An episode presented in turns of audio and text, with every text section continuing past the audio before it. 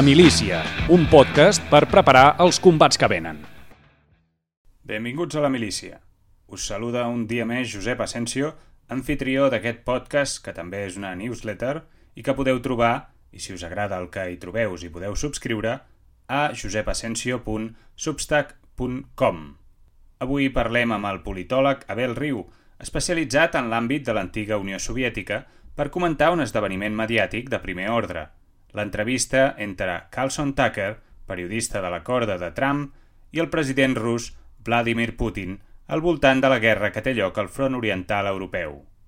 En la configuració del món que ve, des del punt de vista occidental, la figura de Putin es presenta alhora com l'arxienemic i com el líder autoritari, amb una autoritat que segons com aquí es troba a faltar.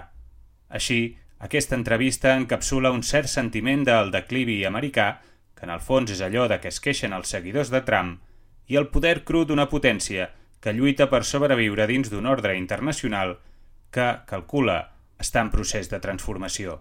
L'Abel ens explicarà fins a quin punt els arguments històrics de Putin tenen validesa i per què la negociació de pau que pregona fa presumir que la guerra va per llarg.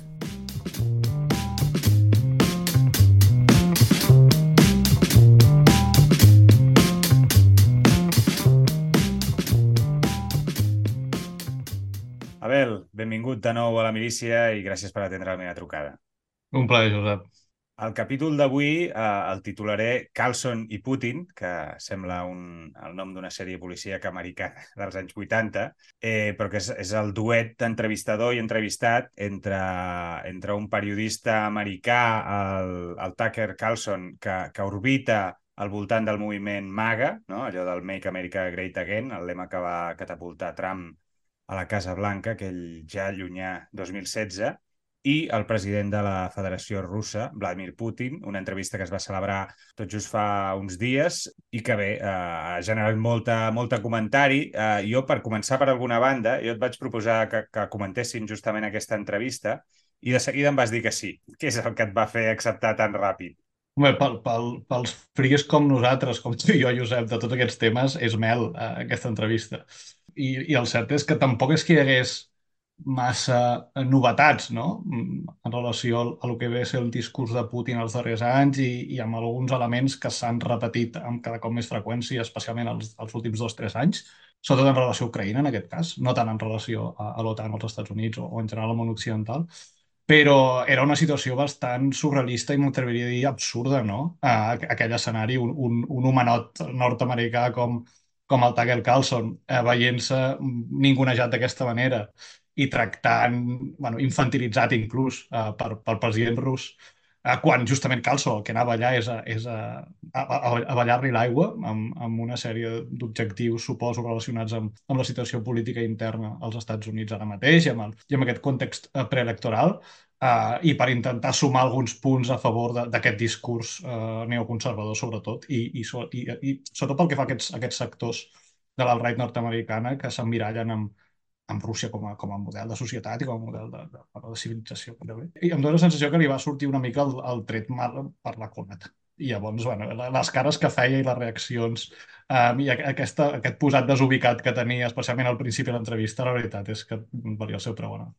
Sí, de fet t'anava a dir, eh, um, abans de centrar-nos en el contingut pròpiament, eh, no sé si estaria bé situar el personatge, a Vladimir Putin més o menys, tothom ja, ja el té en ment, eh, aquest, el Tucker Carlson, que jo deia que orbita al voltant del moviment MAGA, ell era un periodista, un dels presentadors estrella de Fox News, i fa, no sé si ara ja fa gairebé dos anys, potser, o un any, no me'n recordo, el van expulsar de, de la cadena, que és la cadena conservadora, per dir-ne d'alguna manera, no sé si tu la definiries d'alguna altra més, més, amb més precisió, la cadena més pro-Trump, pro diguéssim, de, dels Estats Units, el van fer fora i ara uh, volta lliurement. És un personatge que ha entrevistat a Santiago Abascal. El vam tenir, tu també ho vas comentar al teu, al teu Twitter, que, no? Uh, que era curiós no? uh, que aquest personatge doncs, eh, acabés entrevistant a Abascal. Ha entrevistat a Orban, el president hongarès, a Javier Milei. No? Vull dir, és tot un, tots uns referents, no? I, i aquesta entrevista, doncs, eh, sí, evidentment, eh, a mi també em cridava l'atenció perquè és, és un contrast una mica estrany, no? Llavors, eh, sí que et volia preguntar, quins objectius creus que, que persegueix? És a dir, els objectius de, de Carlson més o menys ja els has, els has definit, no? Que és una mica tirar tirar l'aigua al seu molí, intentant, no? en un moment també, a més a més, que coincidia just, eh, s'estava debatent, no sé si al Senat, eh, sobre més ajudes, que els Estats Units donessin més ajudes a, a Ucraïna, eh, no? donés més fons eh, per, per finançar armament i tot el que ve relacionat amb la guerra a Ucraïna no? que això és, és un tema sobre el que bascula també la política als Estats, als Estats Units, etc. No? Però a, pel que fa a, a Putin, eh, que, quins objectius creus que, quina intenció eh, persegueix un home com Putin en acceptar aquesta entrevista? A mi em dóna la sensació que, tenint en compte que des del 2021, crec, eh, que s'ha negat a donar cap entrevista a cap periodista occidental, el fet de que se li presentés l'oportunitat de, eh, a través d'un interlocutor eh, i, una persona molt mediàtica a Occident i sobretot, evidentment, als Estats Units, segurament el, el periodista o el, el gurú més mediàtic de, de l'alt-right dels Estats Units, eh, doncs trobar un interlocutor afí per fer arribar una sèrie de missatges al, al públic nord-americà sense filtres. I, I això ho crec perquè eh, la primera pregunta és bastant reveladora. Més que la primera pregunta, la resposta de Putin a la primera pregunta.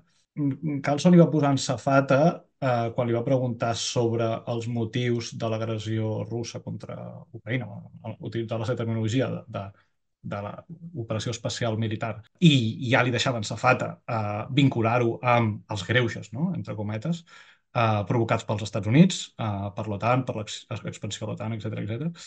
Eh, Putin va dir, no, no, no, jo no he dit mai això, jo no he dit mai que la guerra fos causada pels Estats Units, i llavors es va, va agafar el micro i es va llançar a fer una, una disquisició històrica de, de mitja hora de mitja sí, hora de, de rellotge. sobre, a, tornant al segle XIX, o sigui, remuntant-se al segle XIX, va fer un repàs de la seva versió de, de la història de, de Rússia i d'Ucraïna una mica per explicar la seva visió, no? de que la, la causa fonamental que motiva aquesta guerra, que motiva aquesta, aquesta operació especial russa, és, està relacionada amb aquesta visió, està relacionada amb el fet de que Putin no reconeix l'existència d'una nació eh, sobirana ucraïnesa eh, i que, per tant, és un deure i una missió històrica, gairebé, eh, doncs recuperar el control sobre, sobre aquest tros de terra i sobre aquesta població, tenint en compte doncs, que s'estava aproximant cada cop més a, a l'òrbita geopolítica d'Occident, especialment des dels fets del Maidan el 2013, principis de 2014. Clar, eh, jo entenc que Putin dedica tanta atenció i tant de temps a aquesta resposta de mitja hora, inclús la tenia preparada perquè va demanar a un, a un assistent seu que li portés uns documents que ja tenien preparats sobre uns fets que es van produir el 1654, quan la revolta de, de Bogdan Khmelnytsky, amb l'objectiu que això arribés al públic nord-americà.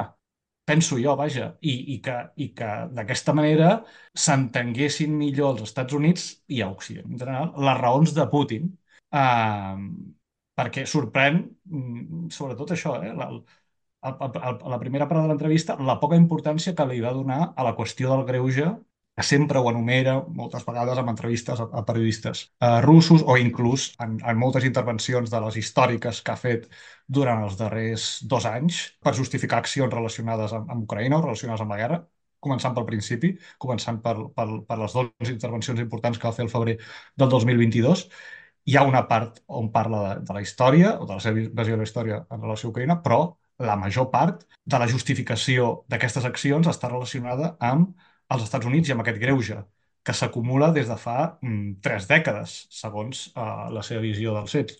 Uh, aquí després podem entrar en detalls eh, sobre les qüestions relacionades amb amb sistemes eh, anti, defensa antimíssils de l'OTAN, la qüestió de l'expansió de l'OTAN, etc etc. Però a mi va sorprendre sobretot això, que la, la idea que, que sembla que ell tenia al cap d'entrada era sobretot parlar de com la història explica per què Ucraïna no existeix o per què Ucraïna no és una nació sobirana i com a tal no té dret a existir de forma plenament independent i com a tal Rússia és d'alguna manera la responsable i la, i la, i la propietària del, del seu destí. No? I en base a això s'auto-otorga el dret a portar a terme aquestes accions militars eh, una mica mm, per tornar a endreçar la casa, la, la casa de la Gran Rússia, no?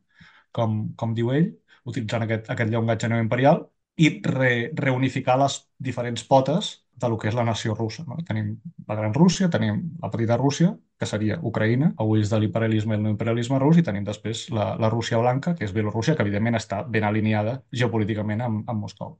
Justament el, el que a mi em venia al cap, i no, vull dir, no és una idea meva perquè ho he llegit eh, en alguna banda, que eh, és veritat que eh, això, aquest, aquesta, aquest altaveu no, de, de Tucker Carlson li dona l'oportunitat d'explicar-se davant d'una audiència occidental, però el que fa amb aquesta digressió llarguíssima, històrica, eh, al final mm, no és el... Vull dir, el públic occidental segurament entendria més o entén més les raons vinculades a, a, no? a bueno, jo defenso la meva zona de seguretat, no? Eh, tu has intentat arribar fins a, no? a l'exemple que sempre es posa, no? de si Rússia posés eh, un, un missil antidefenses a, a Mèxic, no? una cosa així. No? Cosa...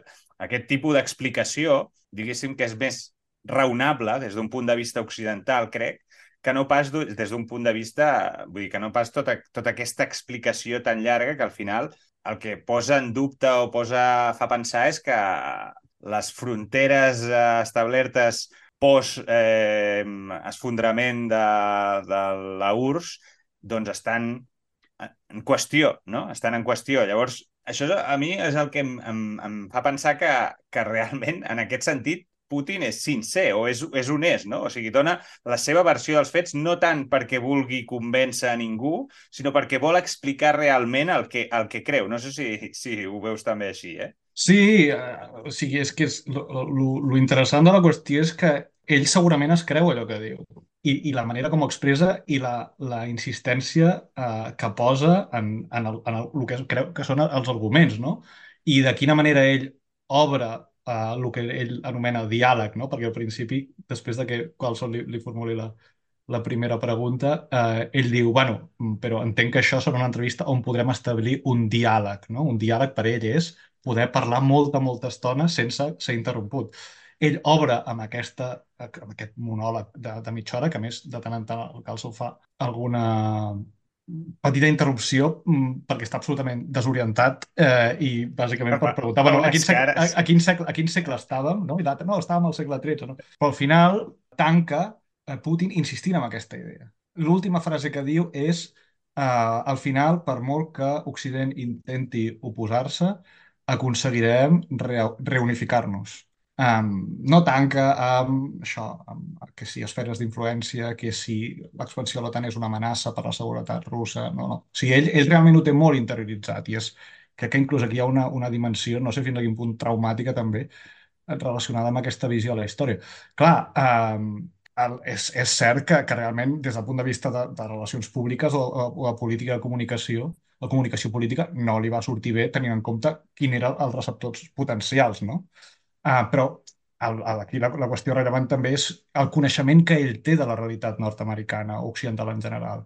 Vull dir, Putin és una persona molt analògica, no s'informa uh, a través, de, ni molt menys de xarxes socials, eh, o sigui, gairebé no fa servir uh, instruments o, o, o recursos digitals.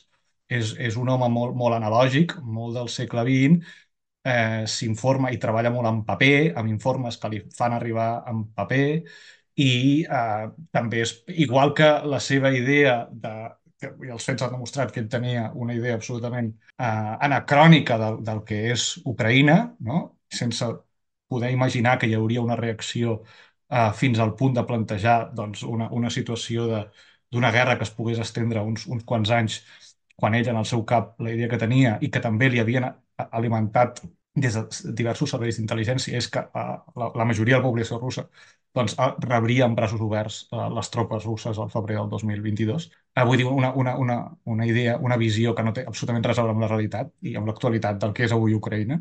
És possible que, que li passi el mateix o li passi el mateix en relació a Occident, no? Vull dir que en el seu cap pogués existir doncs, la, la convicció de que uh, aquest monòleg podia ser interessant uh, i podia funcionar des del punt de vista comunicatiu i que això podia generar inclús una certa comprensió o, o inclús des del punt de vista, sobretot, dels sectors uh, republicans als, als Estats Units, una, una adhesió no? a aquestes idees, a dir, ah, val, ara entenc per què heu, per què heu fet això perquè el, el 1654 o perquè el 1709 o perquè el 1922 va passar això. Val, fantàstic. Ara, ara, ara ja ho tinc més clar. Si us plau, seguiu amb això que, que esteu fent eh, ara ens ho repensem i, per tant, no, no recolzarem a Ucraïna perquè, clar, això no ho sabíem. Ara que ho sabem, doncs veiem que no té sentit. No? Vull dir, no, hi ha, hi ha rebut algunes crítiques, eh? I des de, a nivell de xarxes socials i de grups de Telegram, eh, sobretot de sectors més, més, més radicals, més, més ultranacionalistes russos, hi ha hagut una crítica a, a el que és la, el, el fracàs comunicatiu que s'entén que ha sigut aquesta, aquesta entrevista. Pel que se suposa que eren els, els seus objectius, insisteixo, d'influir en el públic occidental. Anava a dir, en aquest cas, eh, vull dir, a nosaltres ens interessa, vull dir, ho, ho, ho, jo ho rebo gairebé com un, un document, no sé si únic, però no sé quants cops ha passat que un líder eh, que està en, enmig d'un conflicte, eh, diguéssim, exposa amb, una, amb tanta claredat d'on surten els seus... No? Fa una exposició de motius tan fonda sobre el per què de la guerra. No? Aquí a la milícia hem parlat bastantes vegades amb en Pol, amb en Pol Moles, amb l'Edu Ferrer, sobre diguéssim, el desenvolupament de la guerra, d'aquesta agressió militar russa, que just en aquests dies ho estem gravant eh, a mitjans de febrer doncs, eh, es compliran els dos anys, d'aquí no gaire, però també m'anava bé a eh, parlar amb tu sobre aquesta entrevista perquè crec que és interessant en el sentit aquest de, dels orígens i dels motius d'això, de la guerra. Ell, no sé si, si et sembla que entrem en les raons, en aquestes raons que argumenta Putin, no cal que, que tirem potser tan enrere, o si més no, per entendre el seu, el seu marc mental, no? Ell, ell el que ve a dir és que la, la Ucraïna moderna, en realitat, eh, bueno, és el que deies tu, no? que, vull dir que com a nació en si no existeix i que eh, el, que, el que ha passat eh, ençà de, de que es va independitzar després de, de l'esfondrament de, de la URSS, doncs és que han intentat inventar-se una identitat i ho han fet, a més a més, eh, i aquí introduir i inserir aquest, aquest concepte de desnazificació, no? ho han fet a través d'ídols o herois eh, que van lluitar eh, amb el feixisme. No? Aquest és una mica el, resumint molt, molt, molt, que tu entres ja a fons i, i ja em vas, vull dir, vas especificant els, tots els punts, no? Però una mica el que ve a dir és això, no? Sí, aviam, segons uh, el que va escriure en un article llarguíssim uh, d'unes 10.000 paraules uh, que es diu uh, sobre la unitat històrica entre russos i ucranesos, el juliol del 21, uh, sis mesos, vuit mesos abans que comencés la guerra. Um, allà ja uh, va falcant algunes idees que després ha anat repetint posteriorment i que després, a, a l'entrevista la setmana passada, va, va vomitar, potser amb una mica més de profunditat o de posant més èmfasi en alguns punts, però ja deixava entreveure el, en, en aquell article i, i, i, evidentment, en aquesta entrevista amb el Tucker Carlson, on situa ell l'origen del problema. I ell el situa al segle XIX, a la regió de la Galichinà, que, havia, que llavors estava, que és la, la regió més occidental d'Ucraïna, on la, la capital de la qual és la ciutat de Lviv, um, i estava en aquella època sota control de uh, l'imperi austro-hongarès. I ell uh, el que defensa, la idea que defensa Putin, i, i també és una idea recurrent de el, la qüestió ideologia neoimperial russa, és que uh, a fi de debilitar l'imperi rus, les autoritats austro-hongareses promouen la idea d'una d'una diferència ètnica i, i també nacional en base a aquest, a aquest concepte d'Ucraïna, que segons Putin, segons Putin abans no existia, no havia existit mai, segons ell, abans del segle XIX, i que la primera noció es produeix llavors i que els, els primers autors, els primers culpables d'aquesta història són els austrongaresos, amb l'objectiu de debilitar Rússia i de promoure el separatisme ucraïnès en els territoris d'Ucraïna, que llavors estaven sota control de l'imperi rus. Clar, eh, ara tampoc és per entrar en qüestions, eh, o sigui, no, no, no és qüestió de fer una, una, una simulació o, o, o una repetició d'aquestes explicacions històriques llarguíssimes, però eh, perquè ens entenguem ràpidament, les primeres mencions al concepte Ucraïna són del segle XII. eh, i després es repeteixen.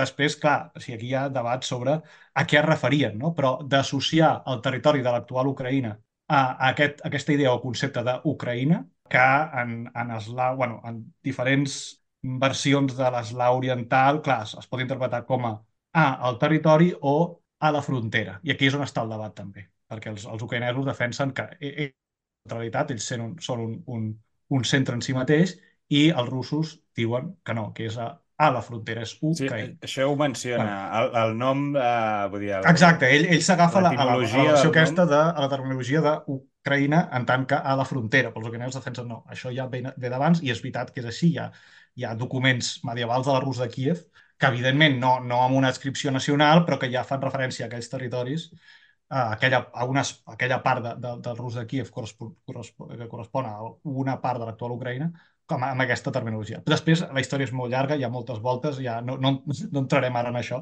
però, clar, eh, per lo que deies del, del tema del nazisme, no? ell s'agafa primer per, per deslegitimar i desautoritzar la idea d'Ucraïna aquesta noció austro-hongaresa de, del segle XIX, carregant-se tot el, tot el segle XIX ucraïnès, carregant-se tot renaixement, tota la renaixença ucraïnesa, sense mencionar autors, sense mencionar literatura, evidentment això per ell no va existir, historiografia, res de res, vull dir, el renaixement literari i cultural ucraïnès que es produeix al segle XIX, tant a la part austrongaresa com a la part imperial russa. Això per ell no va existir, per tant, ho obviem, i llavors salta a, a, la, bueno, a, a part dels esdeveniments de, de, de la creació de, el 1922 de, de les fronteres internes de, de la URSS, que per ell també és un dels pecats capitals, no? quan diu, bueno, al final, la, la Ucraïna moderna és un, és un fruit, és un producte eh, soviètic, no? eh, en tant que la, el de Lenin, sobretot en què el, el disseny de les fronteres de la República Socialista Soviètica d'Ucraïna tenen, tenen l'autoria soviètica. Bueno, que arriba a dir que és, és un a gift, un regal. Exacte, és un regal, sí. és, és un regal sobretot fent referència a les regions del sud i de l'est, no?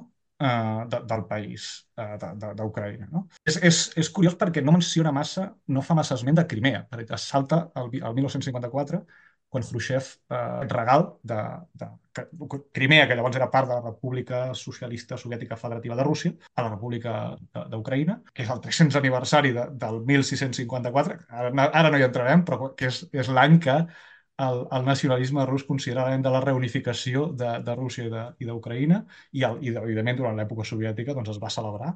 I, i Khrushchev, per altres motius més relacionats amb, amb, amb qüestions econòmiques i pragmàtiques, doncs, eh, aprofita aquest esdeveniment, que és una idea que, que Stalin ja havia, ja havia mencionat en algun moment, per ajuntar a Crimea amb, amb Ucraïna, no? l'Ucraïna soviètica. Clar, per Putin, els territoris del sud i de l'est d'Ucraïna són eh, Nova Rússia, són la nova Rússia, i, i retornant també i agafant-se a, a, aquesta, aquesta terminologia creada en època de Caterina la Gran, quan aquests territoris són colonitzats, com si no hi hagués passat res mentrestant, no?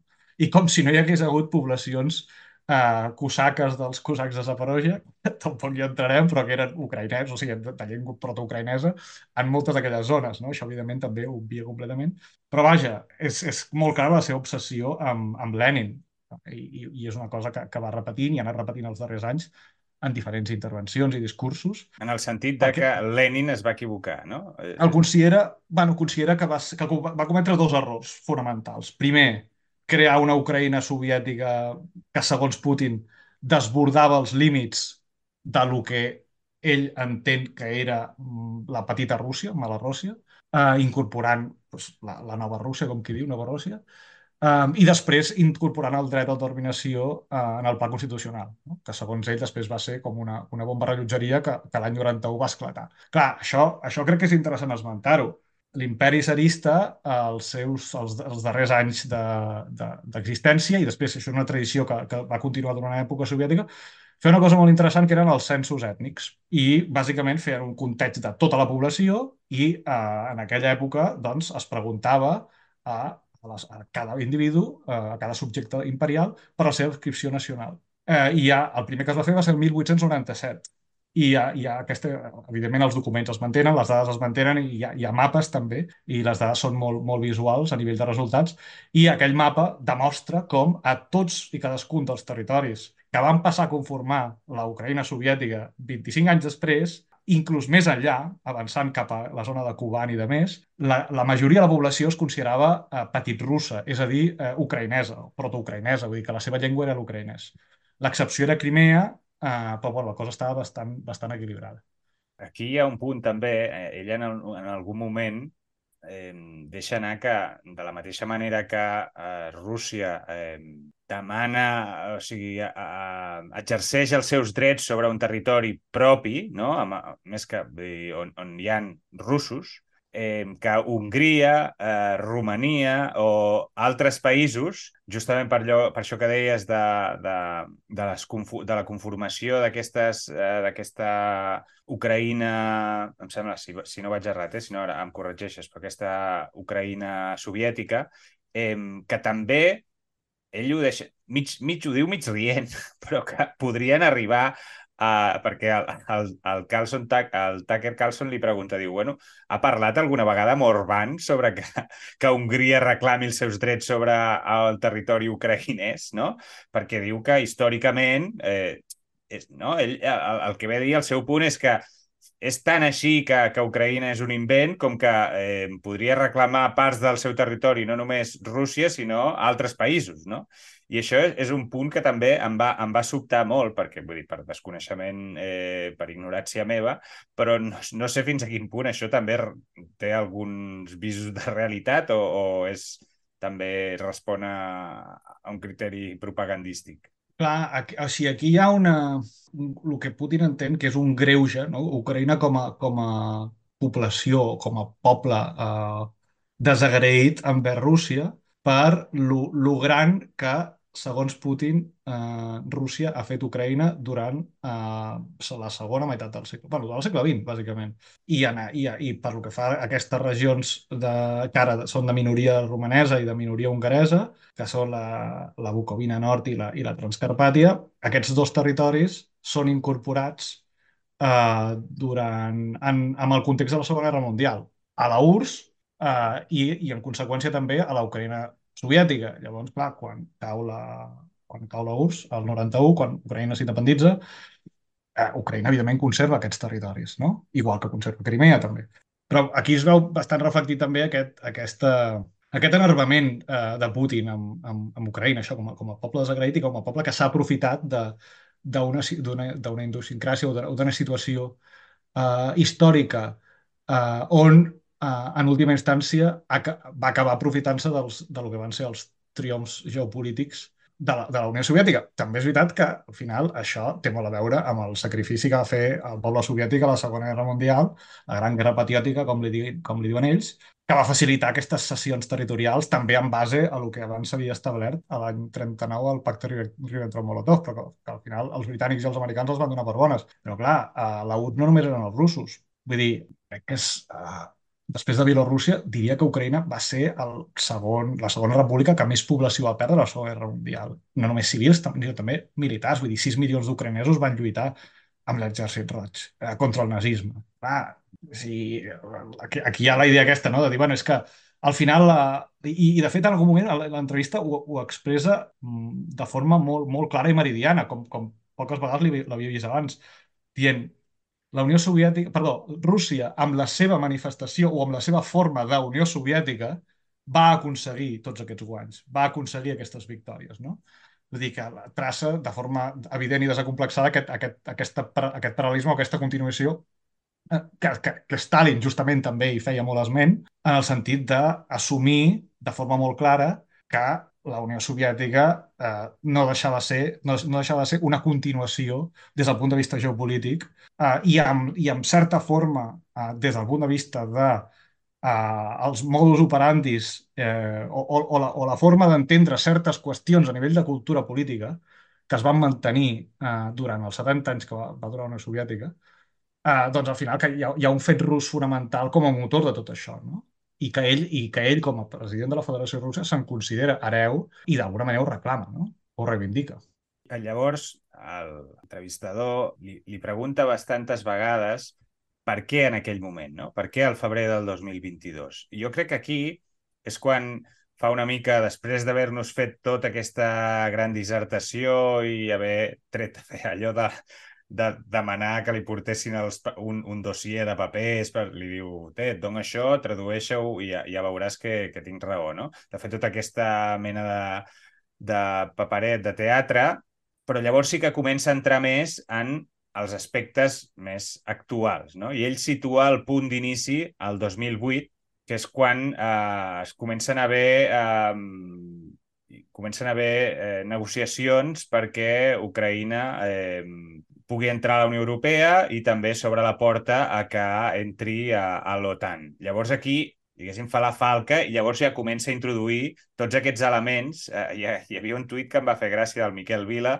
company teu al Catalonia Global Institute, que deia, bé, sembla que al final Putin està més d'acord amb Dugin que amb Mersheimer, no? Que això pels, pels que no som eh, científics polítics com vosaltres, eh, que no han fet ciències polítiques, eh, costa una mica d'entendre, però entenc que venia a dir com que al final el realisme eh, no és una carta tan forta com s'havia defensat, perquè el John Mersheimer és el pare del realisme, tot això ho estic dient una mica a, la meva manera, perquè jo no, no òbviament no, no, no en sé tant com tu, però el John Mersheimer havia, de, havia defensat la idea aquesta doncs, que era obvi que, que Rússia se sentia atacada per l'expansió de la OTAN i que era obvi que en algun moment eh, entraria en, en guerra per, per evitar aquesta expansió de la OTAN, per evitar que, que les seves fronteres estiguessin en perill. No? I, i l'Alexander Dugin, que és aquest home, aquest ideòleg que,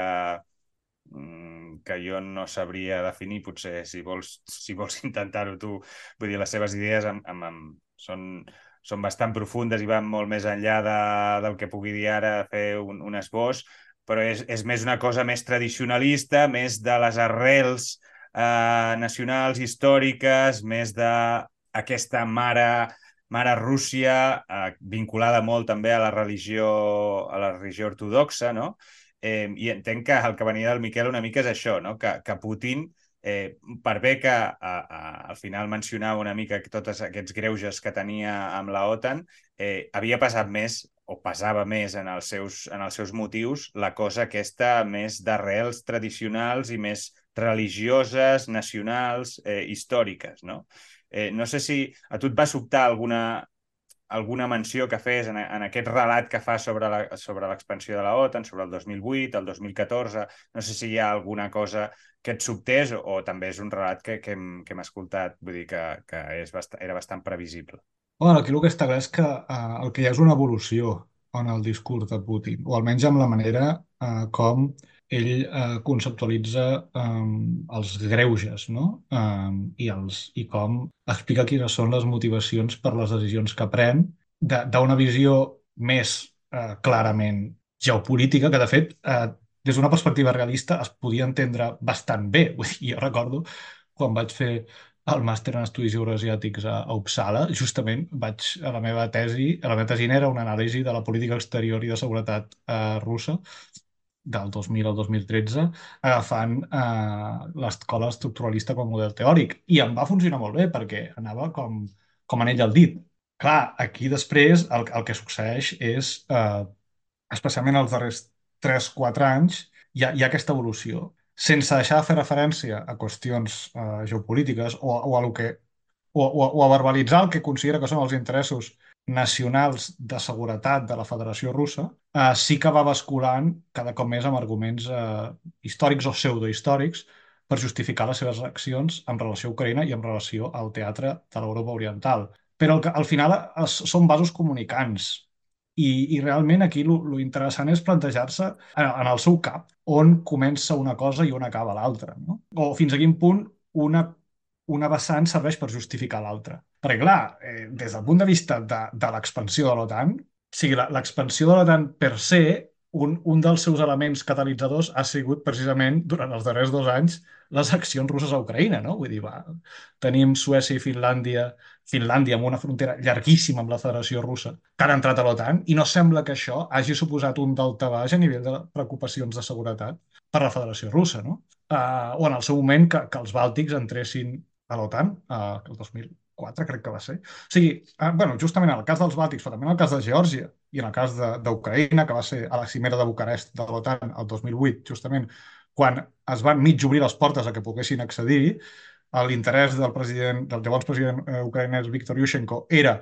tenir un, un Membership Action, Action Plan, és a dir, un calendari d'adhesió per, per entrar a l'OTAN, i estava recolzat pels Estats Units, de, del llavors president Bush, però els francesos i els alemanys, evidentment, no ho veien clar. Bueno, això és molt merder, mm, Rússia, eh, mm, això és bueno, entrar conflictivitzar, ta, ta, ta, no sé què i al final va haver-hi un punt, es va trobar un punt intermig que era fer una declaració d'Ucraïna i Geòrgia algun dia formaran, entraran a formar part de l'OTAN sense establir cap tipus de concreció ni calendari ni res. Vull dir, era més una declaració que una altra cosa. Per, bueno, a pocs mesos després eh, va passar una cosa que és la guerra russo-georgiana de l'agost del 2008, per cert. Aquí també s'hauria de bueno, establir potser o intentar entendre fins a quin punt hi ha una relació de causalitat entre els dos fets. No? Però clar, aquí hi ha una qüestió suposadament de seguretat que és, que és debatible, que és que fins a quin punt realment l'entrada de països, dels països bàltics, o en aquest cas d'Ucraïna o de Geòrgia, suposin una amenaça per la seguretat de Rússia, una amenaça real, eh, em refereixo, eh, perquè clar, una cosa és entrar, accedir, l'altra cosa són els, els coms, és a dir, fins a quin punt tens desplegament de presència militar, sobretot nord-americana al teu territori, fins a quin punt participes en sistemes de defensa eh, antimíssils, fins a quin punt... Vull dir, hi ha, hi ha moltes capes aquí, hi ha moltes estructures.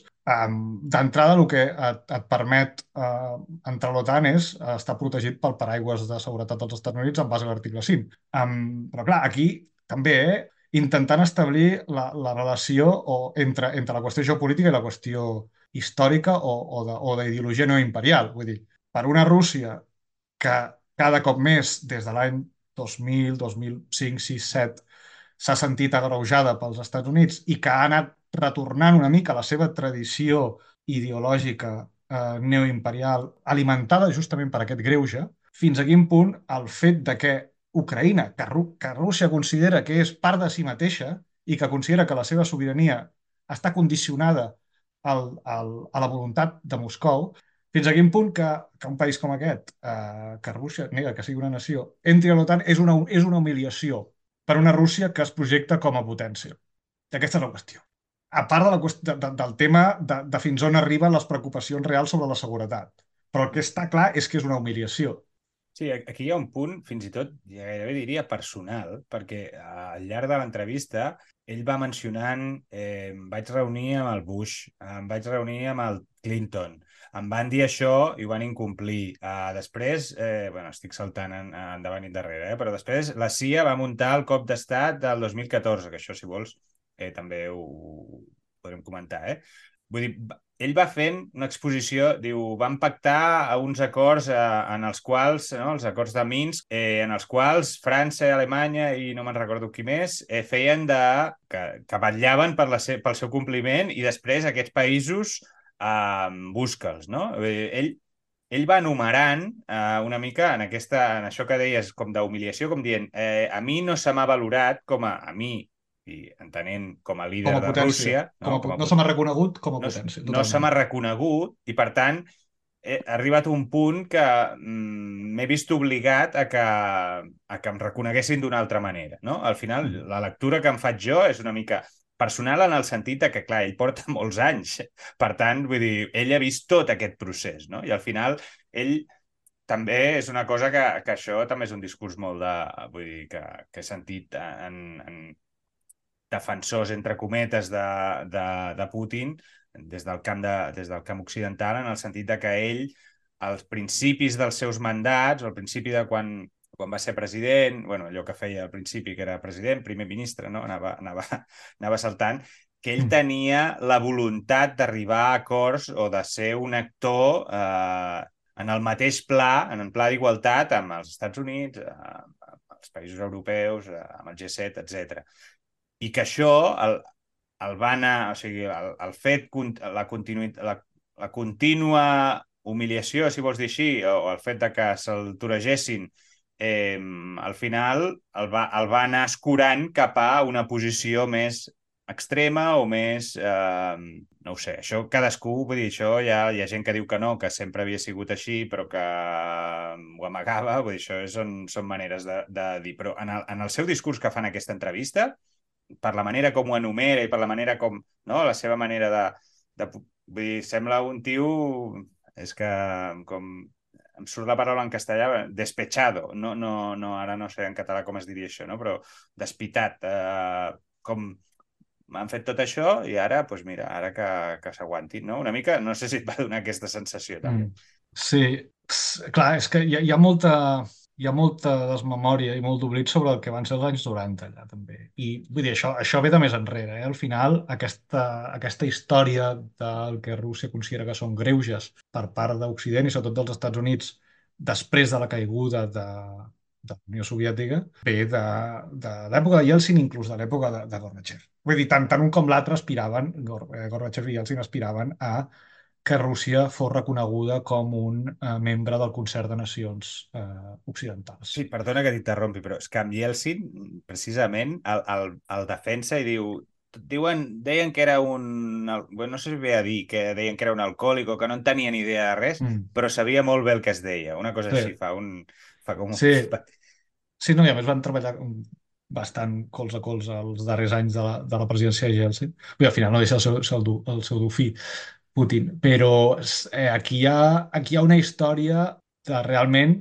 Bueno, o la pregunta que ens podríem fer, o que val la pena fer-se, és si realment la història podria haver estat diferent.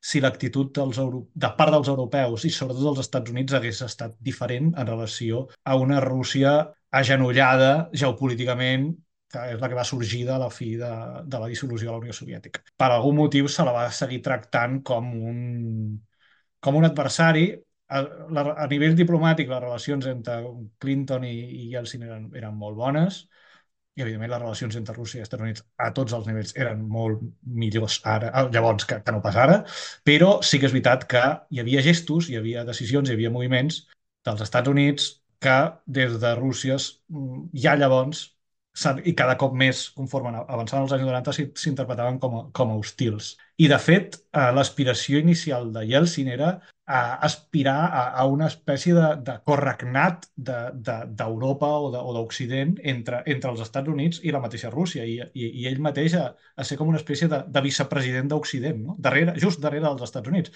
Això implicava aquest reconeixement de, de Rússia com a, com a com una especificitat, no com, no com una República Txeca o com una Polònia o com una Eslovàquia, sinó com bueno, l'hereva de la Unió Soviètica, l'hereva de l'imperi rus, com uh, un actor que aspirava d'alguna manera a tot integrar-se en la mesura del possible a les estructures uh, occidentals, mantenir un cert estatus autònom de potència. Uh, una mica com el que està fent ara Turquia, però, però amb totes les, salvant totes les diferències. Eh? Um, I, de fet, en època de Yeltsin i, i Putin també, l'entrevista amb, amb el Calso, va dir que ell mateix va verbalitzar explícitament si hi hauria alguna... Ah, no recordo si era amb, el, amb la Condolenza Rice o, o, amb el, o, amb, o amb Bush fill, la possibilitat de que Rússia pogués entrar a l'OTAN. I, i sí. tant, tant, tant en una ocasió com a l'altra se'ls va dir que no, no? Vull dir, aquesta és una qüestió rellevant. Aquesta és una qüestió rellevant. Um, vull dir, aquí hi ha un cert síndrome de, de Versalles uh, 2.0 i, evidentment, menys, menys dramàtic en, en el seu moment, però, uh, bueno, so, sobretot en relació a fins a quin punt, uh, tot i que la URSS ja no existís i la Guerra Freda hagués acabat, uh, la lògica d'amic en amic uh, i la lògica de la competició geopolítica a l'Europa llavors oriental en, en les ments dels decision makers dels Estats Units es, manting, es va mantenir. No? I començant per la pròpia existència de l'OTAN.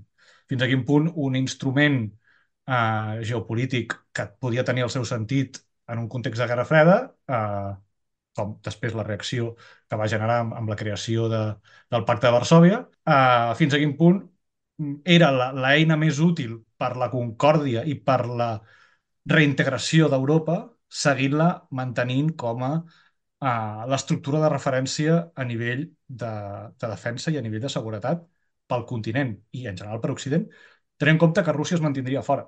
Sí, i aquí... Clar, de com diuen els espanyols, d'aquells barros estos lodos, sense ni molt menys voler justificar el que està passant a Ucraïna o la decisió de Putin d'atacar Ucraïna el 2022. Però és important, és important saber com hem arribat en part fins aquí. Vull dir, aquí també, evidentment, tenim tota la, tota la categoria de la problemàtica que implica la visió eh, russa en relació a Ucraïna, no? que hem comentat al principi. Vull dir, jo crec que aquest és la, aquesta és la qüestió fonamental i que va molt més enrere en la història, però a nivell de context històric contemporani de les últimes tres dècades, doncs eh, és també rellevant tenir en compte aquesta, aquesta dimensió, no? d'aquesta, potser en alguns moments de la història, irresponsabilitat dels Estats Units eh, mantenint aquestes lògiques de mica en amic i de, i de, i de control de, de la seva esfera d'influència a través de l'OTAN i d'expansió d'aquesta esfera d'influència seva a, doncs a, a una Europa oriental Uh, bueno, això, sí, segurament les coses es podrien fer d'una altra manera, però això.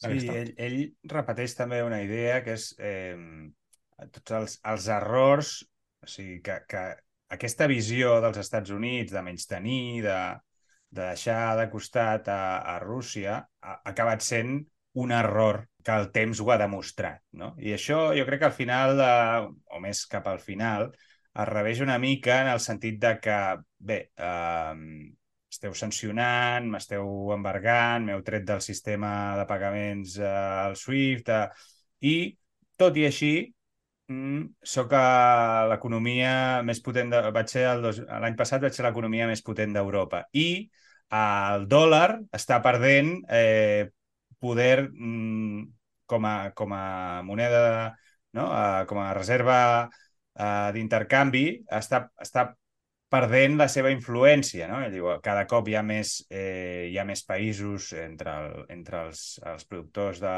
de petroli, entre, bé, entre, també parla dels BRICS. El que ve a dir és, als Estats Units, aquesta guerra, la guerra d'Ucraïna, li està costant bilions eh, de dòlars i això és un error que ells mateixos s'han autoinfligit. És a dir, um, el seu lideratge no és capaç de veure tot això que t'estic explicant a tu, a Tucker Carlson, eh, que ets el meu, vull dir, ets el meu partener, que això sigui dit entre parèntesis, avui he llegit que en, en mitjà rus, no sé si a la televisió pública, el Putin deia que s'havia esperat, s'esperava que, que el Carlson li fes entrevista, uh, una entrevista més agressiva, que li fes preguntes més punyents, i això era com... Vull dir, ja no, només li faltava això com per acabar de... de... D'humiliar-lo. Sí, sí, exacte, sí, perquè... Sí. Vull dir, és, és com que ell ve a dir, bé, això és una cosa que ha passat tota la història, sempre hi ha potències emergents, inclús parla de Roma, parla del, del declivi de Roma, que mm. arriba a parlar, no? i ho relaciona el fet de que, bé, ara hi ha, hi ha la Xina, hi ha altres països, hi ha els BRICS, eh, això és una cosa que és objectivament, són objectivament, eh, això serà així, eh, a nivell econòmic, a nivell de, de, de comerç, etc. Per tant, eh, és qüestió vostra, Estats Units, decidir si voleu fer la, la davallada, perquè fa fins i tot el símbol amb la mà de, de davallada de, com a poder d'influència al món geopolíticament, eh, la voleu fer de cop i violentament o la voleu fer eh, suaument. Eh, ho, diu, ho diu clarament així, no? I és mm. com si ell, el fet de mantenir eh, aquesta guerra, eh, vull dir, per, sona, vull dir, sona tan cínic com és, eh? perquè al, al final ell és un tio que amb aquest posat de tant en tant se n'en fot una mica, fa aquesta, aquests somriures com dient, ara què em pregunta aquest tio, eh, ho, ho expressa així, tal qual. Vull dir, aquesta guerra a mi em dona l'oportunitat d'això, però a qui us està enfonsant és a vosaltres. I això no sé si és un missatge que, que realment estigui quallant o no als Estats Units, a més, en aquest context d'any d'eleccions i tot això. Bé, si està quallant als Estats Units més o menys, Uh, no ho sé, perquè tampoc segueixo tant la política nord-americana. Sí que és veritat que, és una, que, que connecta amb la idea del MAGA. O sigui, al, al final el MAGA no deixa de ser una manifestació de, o, o una forma d'obrir-li els braços al, al, al nou multipolarisme a, a l'americana. I jo el que vaig veure per part de Putin és un cert optimisme en relació a la nova configuració global que s'està produint. Uh, sobretot per que fa a la, caiguda de la influència del poder occidental i especialment dels Estats Units i, a, i al sorgiment de nous poders uh, que és, de fet, Rússia va ser una precursora de, de la defensa barbaritzada d'aquest model, ja des de fa des del 2007, recordo, a la, justament a la conferència de, de seguretat de Múnich uh, que aquests dies s'està produint, doncs el 2007 Putin va, va fer un discurs uh, històric, que va ser el primer on se'l va veure enfadat, se'l va veure allà, doncs, bueno, va començar, va treure a passejar els greuges que llavors ell considerava que s'havien produït, mencionant també la, la qüestió de la revolució de colors, no? És una altra categoria de greuges, aquesta. El que ell interpreta com tant la revolució taronja com la revolució que, que, de, dels clavells, va ser, o de, o de les roses, a, a Geòrgia el 2003, com la que es va, es va produir al Kirguistan el 2005, com uns cops d'estat eh, propiciats per Occident, no? per, per fomentar uns canvis de règim i per col·locar allà governs titelles pro-occidental. Clar, òbviament negant tota tota agència interna i, i obviant que hi ha unes societats, que hi ha uns interessos polítics interns, que hi ha unes oligarquies, que hi ha, que hi ha uns moviments socials, no? que al final van ser també els que van, van en, en molts casos, impulsar tot això. Però eh, ja deixava, ja verbalitzaven en aquest discurs històric el 2007 aquesta idea, aquesta aposta per la necessitat de construir un món, un món multipolar o una estructura global multipolar que fes front o que servís de fre aquesta eh, hegemonia o aquest intent d'hegemonia nord-americana, aquest unilateralisme o, o aquest uni, unipolarisme sobretot, no? defensat des d'Occident i, i especialment dels Estats Units. Uh, I això, clar, als últims 15, 16, 17 anys, aquesta tendència a, a una configuració de, de múltiples pols globals i regionals s'ha anat, anat accentuant um, i a nivell relatiu Occident està perdent pesa. I Putin, pel que sembla, això ho té molt clar i, uh, i jo el vaig veure molt, entre tranquil i optimista en el sentit de dir, bueno, el temps uh, no només em donarà la raó, sinó que em juga al meu favor. O sigui, hi ha, hi ha uns, aquests canvis estructurals sistèmics que s'estan produint en, en l'ordre global li atorguen més poder relatiu a Rússia sobretot per que fa a les relacions entre pols, no? I com funcionen les dinàmiques de les relacions entre els diferents pols. I això també explica per què això que ara es considera el sud global, bueno, no sé, països com Indonèsia, per exemple, o països com, o potències eh, com, com Brasil o, o la mateixa Índia, eh, o moltes altres, o molts països, també petits mitjans, s'han posicionat de forma neutral davant d'aquesta guerra, davant de la guerra Ucraïna. Um, hi ha un bloc d'uns 35 països, 40, 40 i escaig, depèn de, de què estiguem parlant, que són sobretot països europeus, però també tens Corea del Sud, tens el Japó, tens, tens Taiwan, tens Austràlia, evidentment els Estats Units, tens el Canadà, que són els que, suport, eh, els que recolzen eh, diplomàtica, financera i, en la mesura possible, de les possibilitats de cadascú militarment també Ucraïna, i la resta que o bé, si, o bé recolzen Rússia, molt pocs, però tenim casos com l'Iran, com eh, Corea del Nord, com Bielorússia, com Síria, eh, i algun altre país africà, i després països que mantenen diferents tipus de neutralitat. Clar, això, això fa uns anys segurament no hagués estat així. Segurament la capacitat occidental per forçar a molts d'aquests països petits i mitjans a tenir una posició favorable als interessos occidentals, en aquest cas, a través d'un suport a Ucraïna, hagués estat molt més gran. I això no s'ha produït. I llavors, eh, Putin està fent el que està fent i està cometent totes, bueno, les forces armades russes estan cometent tot tipus d'atrocitats a Ucraïna i estan vulnerant el dret internacional, però la relació amb tota la resta de països que no són països occidentals de Putin no s'ha vist afectada. Al contrari, hi ha molts països mitjans i petits i, i també algunes d'aquestes potències que han fet un bon negoci en aquesta situació, perquè hi ha dos pols aquí en confrontació i, i això fa que la, la, la situació de cadascun d'aquests pols, de Rússia, evidentment, però també d'Occident, sigui més precària. I això explica també per què l'Azerbaijan està fent el que està fent o per què Turquia està fent el que està fent. Llavors, bueno, és, és, aquesta, és aquesta transformació, aquesta mm, metabolització una mica de, de l'ordre global cap a un món més multipolar i més, més, més anàrquic, que, que no sé, jo, jo en, en la mirada i en aquest, en aquest mig somriure de, de tranquil·litat i de, i d'optimisme de Putin, jo el que havia reflectit és això, és dir, bueno, és que el, la tendència és aquesta, la tendència més favorable a mi.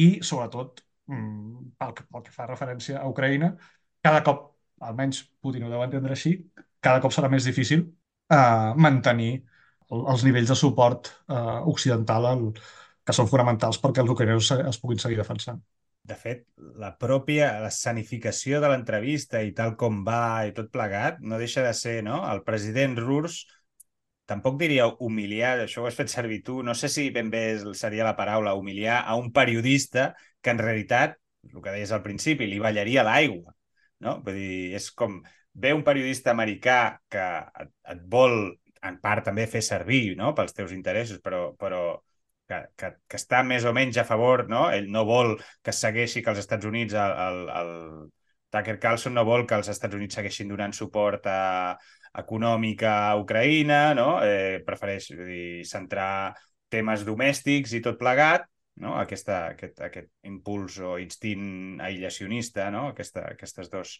dos tendències que hi ha als Estats Units, però el Putin no només no, no entra en discutir quan intenta hi ha un moment que el, el, el Carlson li ve a dir que si hi ha les forces del mal, no, no sé com ho, ho, no sé com ho pinta, però com fent un discurs de com si el cristianisme...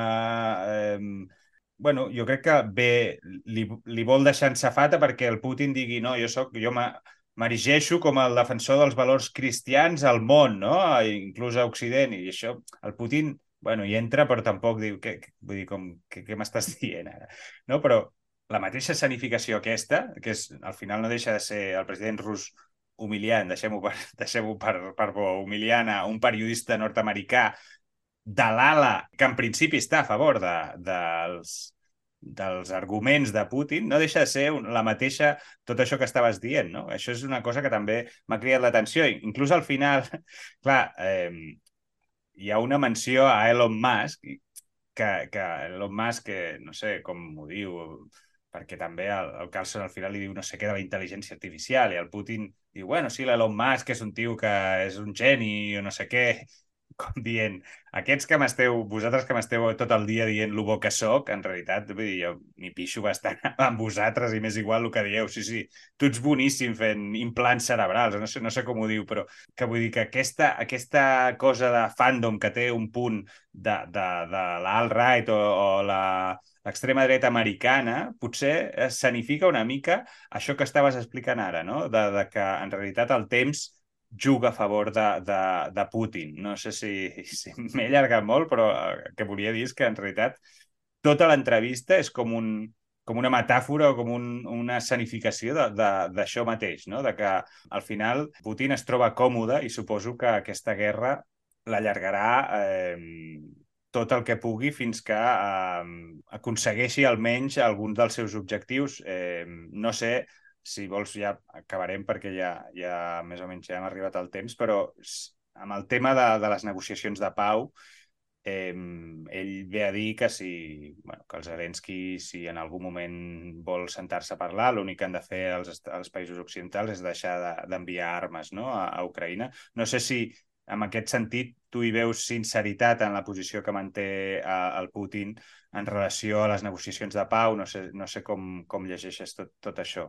Mira, de, de fet, just aquest va ser un dels, tit un dels titulars, a, a part de la premsa nord-americana, bàsicament dient Putin vol negociar, o Putin ofereix negociar, o Putin referma la seva voluntat negociadora. Una mica també aquí els mitjans de, de, de dreta i de dreta conservadora, però també crec que va ser el New York Times, que, que té una línia similar en això, una línia que és, que és contrària a seguir recolzant militarment a Ucraïna, van tirar d'aquest titular eh, com un dels principals per, per, per reflectir la notícia, no? Per això és una idea que, que, que Putin ja fa des de finals de l'any passat, del 2023, que repeteix eh, a la mínima que té l'oportunitat i, de fet, també eh, diplomàticament eh, s'està fent arribar aquest missatge a la, a la Casa Blanca, que d'entrada, pel que sembla, Biden eh, ja ha dit que no, però mm, bàsicament el que, el que Putin està intentant mm, comunicar és aquesta voluntat negociadora, que això és, això és el que està comunicant. L'altra cosa és de quin tipus de negociacions estaríem parlant. Vull dir, al final, tot forma part d'una estratègia justament perquè, perquè els nord-americans i, i en general els països eh, europeus eh, occidentals deixin de recolzar Ucraïna militarment. O sigui, mm, des del punt de vista propagandístic, o sigui, Putin es vol atorgar la, la categoria de jo sóc qui està en contra de la guerra, vull dir, és que inclús ell parlant de la tragèdia que s'ha produït, això és un drama, no sé què, això s'ha d'aturar, per tant, hem de negociar i deixar els ucranesos, deixar Zelensky, sobretot com, com el dolent de la pel·lícula, en tant que considera que, la, que, que, no, que ara no és hora de, de, de negociar, eh, també tenir en compte quina és, quina és la correlació de forces a, al, al terreny o, les, o, les, o, o quines són les perspectives negociadores. Vull dir, tant Putin com Lavrov ja, ja han dit per activa i per passiva que eh, no estan disposats a renunciar ni a un metre quadrat del terreny que han aconseguit ocupar, i estem parlant de gairebé un 20% del territori ucraïnès. Clar, què es pot negociar quan quan la posició, no només d'entrada, sinó de sortida és aquesta? però, pel que sembla, en unes negociacions, això és uh, informació que uh, d'un informe de la, del think tank britànic russi que, que va circular fa un parell o tres de dies, a informacions bastant ben contrastades segons les quals els russos, si es produïssin unes negociacions, no només no estarien disposats a cedir ni un pam de terreny d'allò que han ocupat, sinó que demanarien territori addicional com a condició per aturar la guerra. Territori addicional, sobretot, de les regions, pel que sembla, de Kharkiv i d'Odessa, no? a part d'exigir de, eh, que les dimensions de les forces de defensa ucranesa, ucraneses es, es reduïssin mm, substancialment, és a dir, mm, liquidar la seva capacitat de defensar-se en relació davant d'una possible nova ofensiva russa uh, o no, una nova guerra, evidentment, eh, descartar la qüestió de, de, de l'entrada a l'OTAN i col·locar un president afí a Moscou al capdavant de la presidència ucraïnesa. Bueno, mm, o sigui, ja, ja, ja t'està indicant tot això, eh, però que també eh, moltes, moltes d'aquestes parts eh, o demandes han estat repetides. Després hi ha la qüestió de, de la, de la desnazificació, que, que, que abans no hi he entrat, si, ja si ens queden potser dos o tres sí, minuts sí. després. Endavant, I, endavant. i, i t'explico una mica de què va això, però, però acabant amb aquesta qüestió. Vull dir, al final l'objectiu, o sigui, hi ha, hi, ha una, hi ha un objectiu inicial que motiva aquesta, aquesta guerra, aquesta, en inici havia de ser una, una operació llampec que durés pocs dies, per bàsicament tombar el govern ucraïnès el 2022, tombar Zelensky i col·locar un govern afí i retornar a Ucraïna a l'esfera geopolítica a sota, esfera, sota el paraigua geopolítica de Moscou. Clar, això se'n va anar de les mans, es va entrar en una guerra que ningú s'esperava que es produís, encara menys els russos, i eh, es troben en una situació que ara mateix, dos anys després, controlen un 20% de territori ucraïnès. Vull dir, estan portant a terme una sistemàtica, eh, o sigui, un procés sistemàtic de substitució eh, lingüística, eh, cultural, eh, política. Vull dir, eh, no sé, mm, hi ha desenes de milers d'infants desapareguts, molts dels quals, i hi ha evidències d'això, han estat portant a, a camps de, de reeducació a Rússia, a Bielorússia i a Crimea, per, per russificar-los. Vull dir que hi ha un projecte a, a llarg termini. Clar, amb, amb quines, o sigui, què, què, què s'ha de negociar o què es pot negociar quan el que tens és això? Des, parlo des d'una perspectiva ucraïnesa. Eh? Mm -hmm.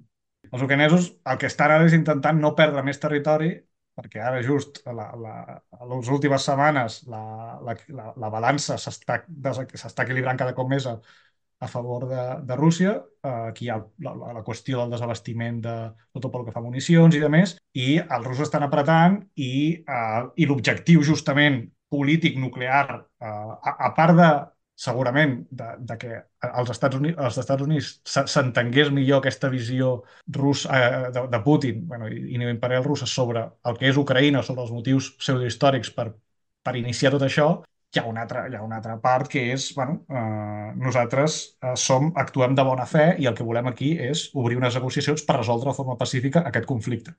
I en última instància, en tant que això no és així, perquè no, bueno, és bastant evident que no és una demanda honesta, el que, el que, bus, el que es busca amb aquest missatge, insisteixo, és debilitar el prec ucraïnès per seguir rebent armament, bàsicament.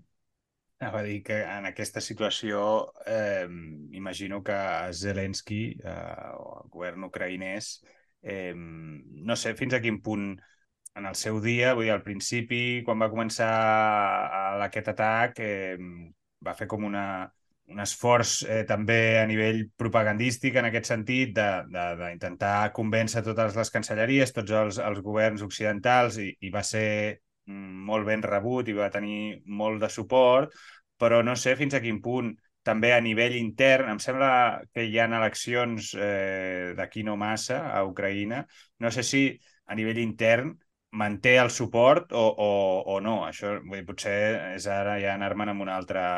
Vull dir, ja obrir un altre meló, eh? però, però clar, en, en aquesta situació m'imagino que si, si diguis, a nivell exterior eh, comença a adoptar eh, els, els teus suports i a nivell interior eh, la cosa mm, tampoc no, no va al bé que podria anar o el que tu t'agradaria que anés, no sé fins a quin punt això el pot, el pot afectar en, en, en aquestes eleccions. Eh?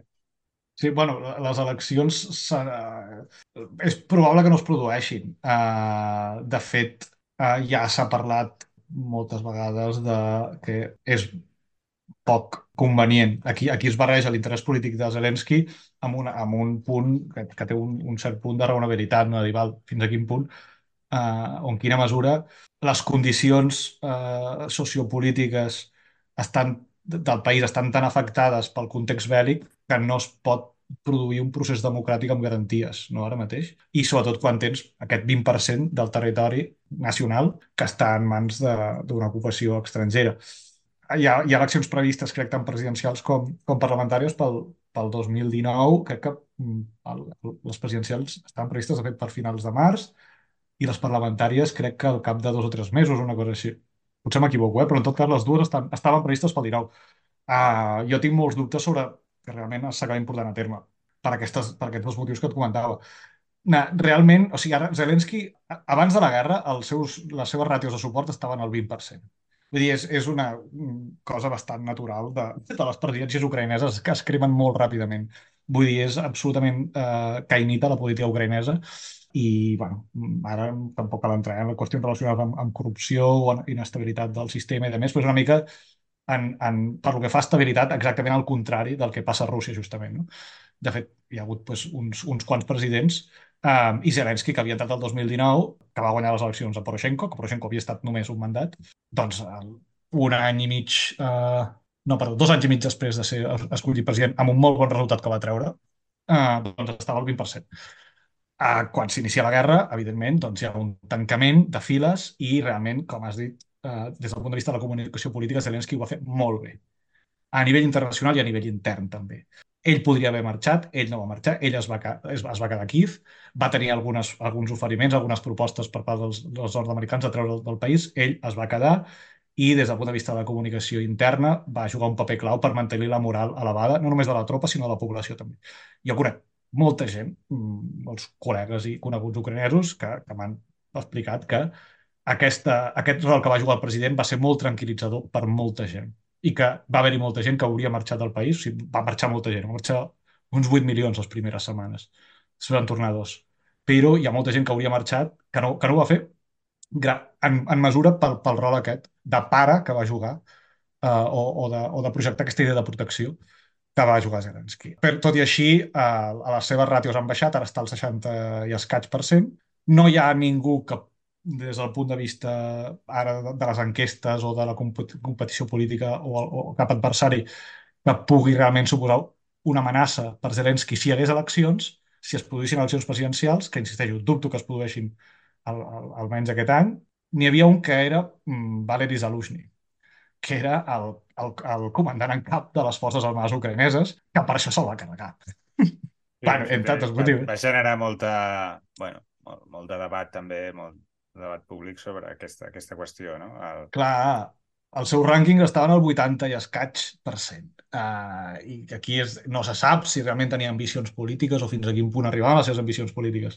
Però està clar que Zelensky el considerava un competidor i tenia una relació cada cop més tensa i difícil entre ells i va ser un dels motius pels quals se'l va carregar, bàsicament. Bé, eh, no sé, vull dir, eh, hem comentat, portem ja més d'una hora, crec, eh, no sé si vols uh, matisar aquell punt de la desnazificació perquè ah, ens sí. ha quedat allà penjat o ja ho deixem per un altre Sí, dia. bueno, res, molt, molt ràpidament. Clar, això és un, és un element que també Putin, a nivell discursiu, ha utilitzat en moltes ocasions per, per justificar aquesta operació militar especial, tal com li diu, uh, que, és, que és que bàsicament que ara mateix, el, el, bueno, segons la seva visió, i, i és una visió compartida per alguns sectors de Rússia, a Ucraïna està eh, governada per una espècie de règim nazi, però fent una associació amb, amb nazisme i idea nacional ucraïnesa. O sigui, ell quan diu desnazificar també implica desnacionalitzar.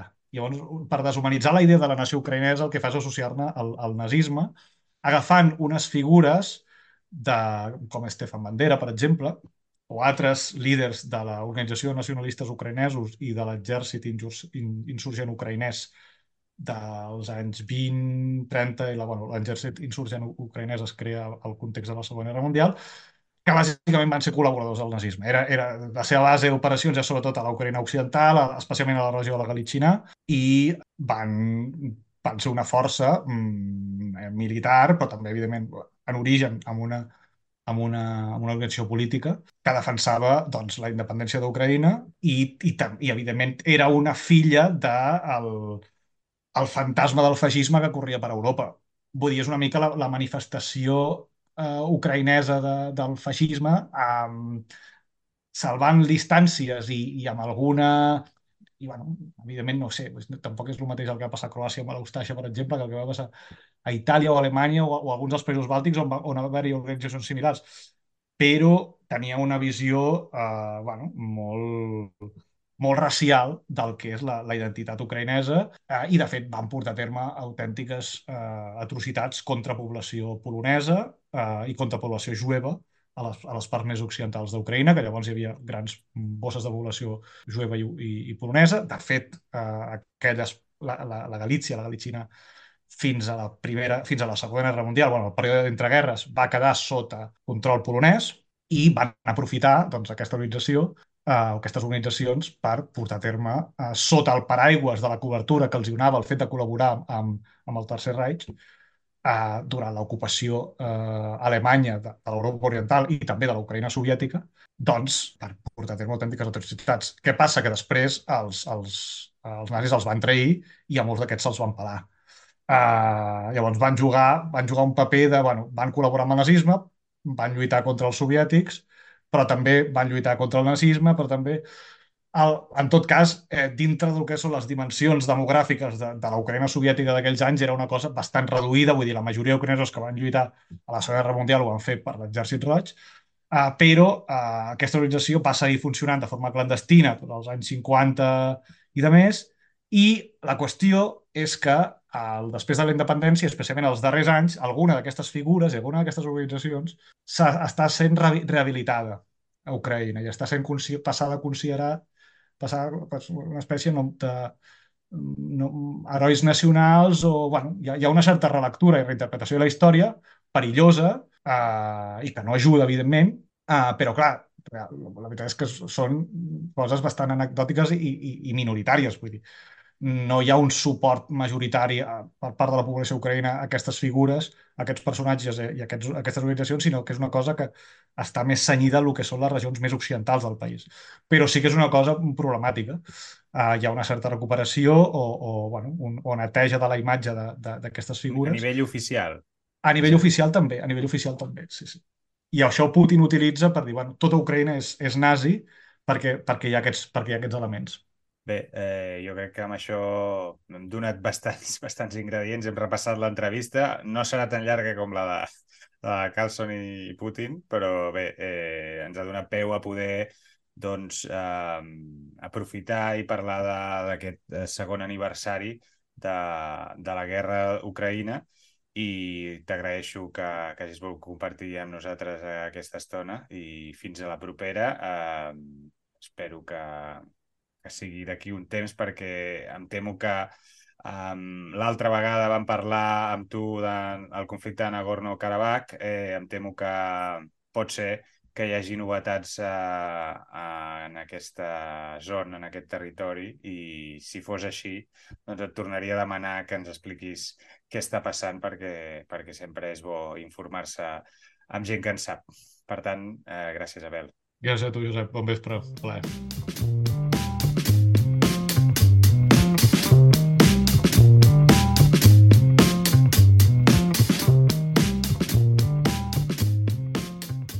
La milícia, amb Josep Asensio.